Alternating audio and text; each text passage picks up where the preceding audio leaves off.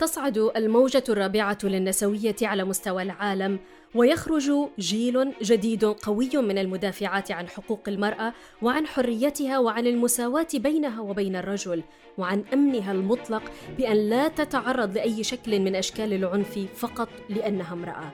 ولكن يبدو أن العالم في الخليج أكثر ذكورية من أي عالم آخر. قوي هو حضور الرجل بسطوته وتأثيره فيما النسوية بالكاد تتنفس. بصراحة العمل النسوي هنا كما السير على الأشواك حافي القدمين. في الخليج للعمل النسوي ثمن سنتحدث عنه في ديوان مع الناشطة الحقوقية والنسوية العمانية حبيبة الهنائي. أهلا بك حبيبة. مرحبا. أنت ناشطة حقوقية وناشطة في مجال حقوق المرأة وقلت أنا نسوية وأفتخر. أخبرينا في ديوان عن قصتك كنسوية وما تعرضت له من ضغوط. مرحبا جميعا. آه، أنا حبيبة الهنائي آه، ناشطة نسوية مقيمة في برلين منذ عام 2016 بدايتي مع عملي في حقوق الإنسان منذ 1990 وتبنيت العديد من القضايا الحقوقية النسوية التي آمنت بها. آه، منها آه، من أهم الحملات التي أطلقتها هي حق إشراك المرأة في المجال الرياضي وحق منح المرأة العمانية المتزوجة من غير العماني جنسيتها لأبنائها. وفي عام 2013 أجريت دراسة عن مدى انتشار عادة ختان الإناث في عمان.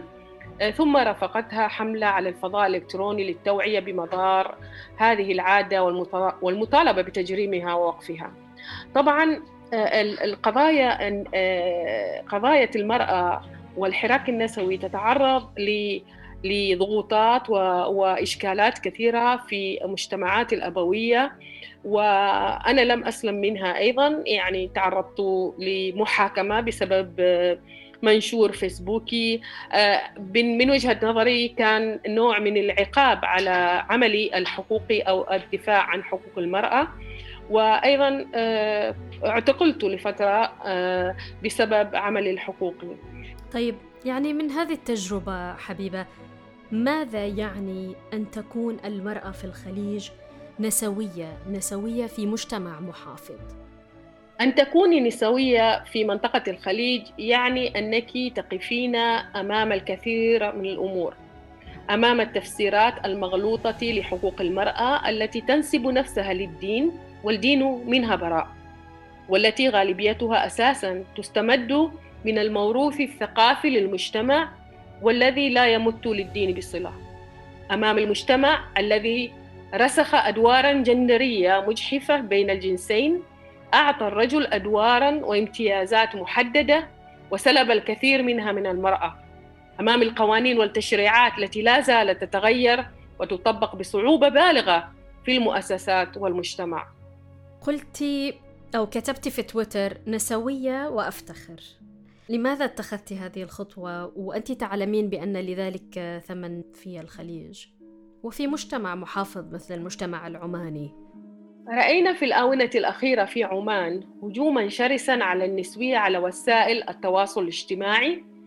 في أغلبه هجوم على المصطلح نفسه ومحاولة تشويهه وشيطنته ونزع الجانب الحقوقي والإنساني للمصطلح. ليس ذلك فحسب وإنما دعا جمع من مدعي الثقافة والعلم إلى محاسبة كل من تنتمي إلى الحركة النسوية قانونياً وتكثيف رقابة الأسرة على بناتهم بل ذهب البعض إلى أبعد من ذلك وحرض الأهالي على تعنيف بناتهم في حال اكتشفوا أنهن يعتنقن الفكر النسوي.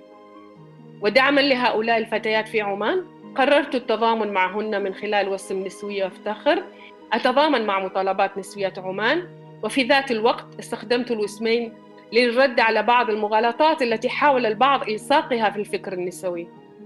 أن تعلن الفتاة أو المرأة بأنها نسوية يعني ذلك بأنها ستكفر دينيا وتتهم في أخلاقها وسيتم التحريض والتشبيه عليها على وسائل التواصل الاجتماعي وربما يطال الأمر العالم الواقعي. لذلك تجد النساء صعوبة بالغة في الإفصاح عن تبنيهن للفكر النسوي في الخليج. تتحدثين عن مجتمع شرس جدا في مواجهة أي حراك نسوي حبيبة تتحدثين عن نستطيع أن نقول هناك ضغط ممنهج على المرأة بمجرد أن تخرج لتعبر عن تبنيها للفكر النسوي لماذا هذا المجتمع الخليجي يتعامل بهذه الشراسة مع الفكر النسوي؟ المجتمع الخليجي مجتمع أبوي يقوم غالبا على نظام ذي بنية اجتماعية وسيكولوجية يجعل كلا من العائلة والقبيلة والسلطة والمجتمع في علاقة هرمية قائمة على التسلط والخضوع اللا عقلاني الذي يتعارض مع حقوق الإنسان والحقوق المدنية. بالإضافة إلى ذلك المجتمع الخليجي شبع بالموروث الديني القائم في بعضه على التفسيرات والاجتهادات الشخصية بدون ضوابط وحدود واضحة. بمعنى يفسر النص المقدس بما يتماشى مع مصلحة رجل الدين أو من هو في قمة الهرم المجتمعي. لذلك نجد الكثير من التفسيرات الدينية الخاصة بالنساء في الخليج تضطهد المرأة الخليجية وتسلب منها حقوقها. آه، مثال على ذلك حديث لن يفلح قوم ولوا أمرهم امرأة حيث كان رد دار الإفتاء المصرية أنه وردت لهذا الحديث روايات متعددة كما لفتت دار, دار الإفتاء إلى أن ملابسات ورود الحديث تجعله نبوءة سياسية بزوال ملك فارس وهي نبوءة نبوية قد تحققت بعد ذلك بسنوات أكثر منه تشريعا عاما يحرم ولاية المرأة للعمل السياسي العام. لذلك المجتمع الخليجي يعتبر رجل الدين هو المشرع والقائم على مصلحة المجتمع وكلماته هي المشرعة دون سواها. وعلى هذا الأساس المجتمع الخليجي ولأن الكثير من أفراده لا يفقهون في الدين شيئا يجد صعوبة كبيرة في تقبل الفكر النسوي الذي فكك الخطاب الديني الهش المبني على التفسيرات والتأويلات الشخصية في غالبها أكثر مما هي تفسيرات وتأويلات مبنية على المنطق الديني الصحيح في محاولة منهن لطرح تفسيرات دينية أكثر اتزانا ومنطقيا. يعني أنت تتحدثين حبيبة عن التعرض لضغوطات تختلط بين قراءات مختلفة للدين وأيضا لما يتعلق بعادات وتقاليد. المجتمع الخليجي الذي لا يتقبل الفكر النسوي. بالتالي تتعرض النسويات إلى ضغوط كبيرة يتم اتهام هؤلاء بالانحلال وبكسر القيم المجتمعية بل تصل الأمور للتحريض كما ذكرت قبل قليل للتحريض على المرأة. من يقود هذا الحراك المضاد للعمل النسوي؟ وإلى ماذا يهدف؟ بما أننا نعيش في مجتمع أبوي يمجد القبيلة أكثر من أي شيء آخر فإن ذلك يعني بأن الحراك النسوي الخليجي معرض للتشويه والإقصاء. بل وربما آه، تشارك بعض الحكومات في هذا الإقصاء وهو ما يعزز نشأة حراك مضاد ويعطيه طابع الأهلية في طرح ما يشاء. وإن كان يخالف المنطق وبعضا من العلوم والمصادر الأكاديمية الموثقة توثيقا علميا. في عمان مثلا آه، ظهرت مؤخرا على منصات التواصل الاجتماعي كتويتر مجموعة أشخاص أكاديميين تحارب الفكر النسوي وتتهمه بأنه فكر منحل يدعو إلى الانحلال الأخلاقي وهدم قيم الأسرة والكفر والإلحاد. وللأسف الشديد هؤلاء الأكاديميون لم يستخدموا مصدرا أكاديميا أو علميا واحدا. في محاولاتهم لإقصاء النسوية باعتبارها فكرا يدعو إلى الانحلال الأخلاقي والديني. وإنما ذهبوا إلى مناقشة النسوية من جانب عاطفي بحت قائم على توقعات وتحليلات شخصية. لكم أن تتخيلوا مدى تأثير هؤلاء الأكاديميين على المجتمع. بالإضافة إلى ذلك تم تجييش العديد من مستخدمي وسائل التواصل الاجتماعي من قبل هؤلاء الأكاديميين ضد النسويات ومحاولة تحريض عليهن بل والتحريض الاعتداء عليهن جسديا إن أظهرن انتمائهن للفكر النسوي. ولكم أيضا أن تتخيلوا ماذا سينتج عن هذا الخطاب التحريضي من كوارث أسرية ومجتمعية على أرض الواقع؟ بل وتنموية إذا ما اعتبرت الدول الخليجية المرأة بأنها شريك في التنمية والبناء. الغريب آه، حبيبة أنه في الخليج آه، هناك طبقة من النساء آه، أو شريحة بالأصح من النساء أخذن على عاتقهن مواجهة الحراك النسوي. أليس في ذلك مفارقة غريبة؟ ما مدى تأثير هؤلاء النسوة في المجتمع؟ هناك مجموعتان من هؤلاء النسوة.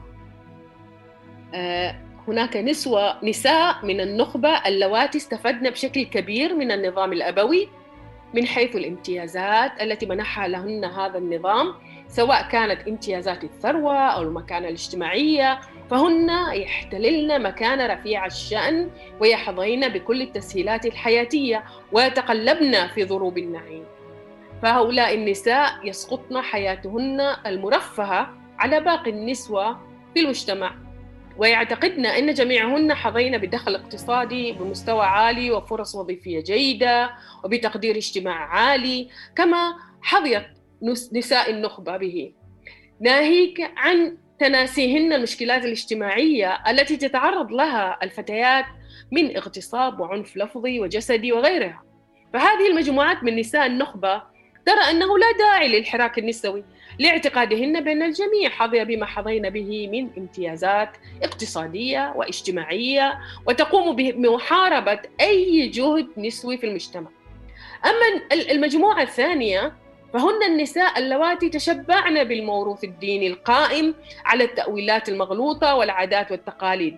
هؤلاء النسوة تأثرن تأثيرا عميقا بالنظام الأبوي الذي شيطن مفهوم الفكر النسوي ودعا إلى محاربته لدرجة أنه أصبح من الصعب مجادلتهن بالحقوق التي تطالب بها النسويات لأنهن خضعن للفكر الأبوي بما يحويه من مغالطات منطقية هشة لا تستند إلى مصدر موثوق.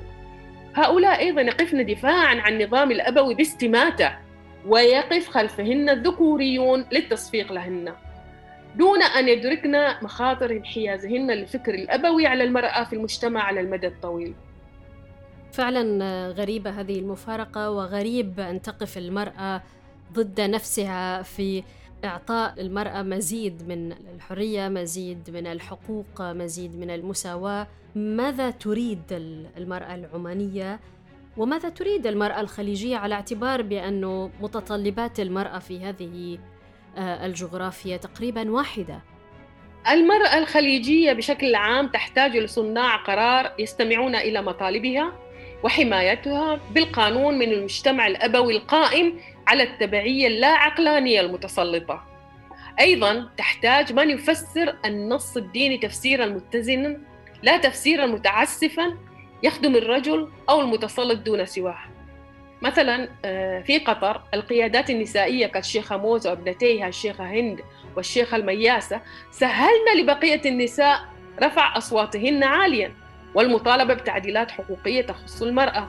بل وأعطينا المرأة هناك مساحة كافية للتعبير عن رأيها. وهذا سينعكس بدوره على تنمية دولة قطر لأن بناء الدولة سيكون بالشراكة بين الرجل والمرأة دون استئثار أي منهما بهذا البناء دون الآخر. في عمان نأمل أن تتغير النظرة الدونية للمرأة مع ظهور عهد جديد وظهور السيدة الجليلة عهد حرم سلطان هيثم على الساحة العمانية. يعني ربما أضيف إلى ما ذكرتيه حبيبة بأنه في البحرين أيضا لدينا المجلس الأعلى للمرأة بقيادة أميرة سبيكة. وهذا المجلس يسعى إلى تمكين وحماية المرأة وقيام ببرامج تمكن المرأة بالإضافة إلى المجتمع المدني الفاعل الذي دائما يسعى إلى حماية المرأة وتمكينها. ولكن ما زالت هذه الجهود أو ما زال المجتمع النسائي في الخليج وفي البحرين أو في عمان يتطلع إلى المزيد.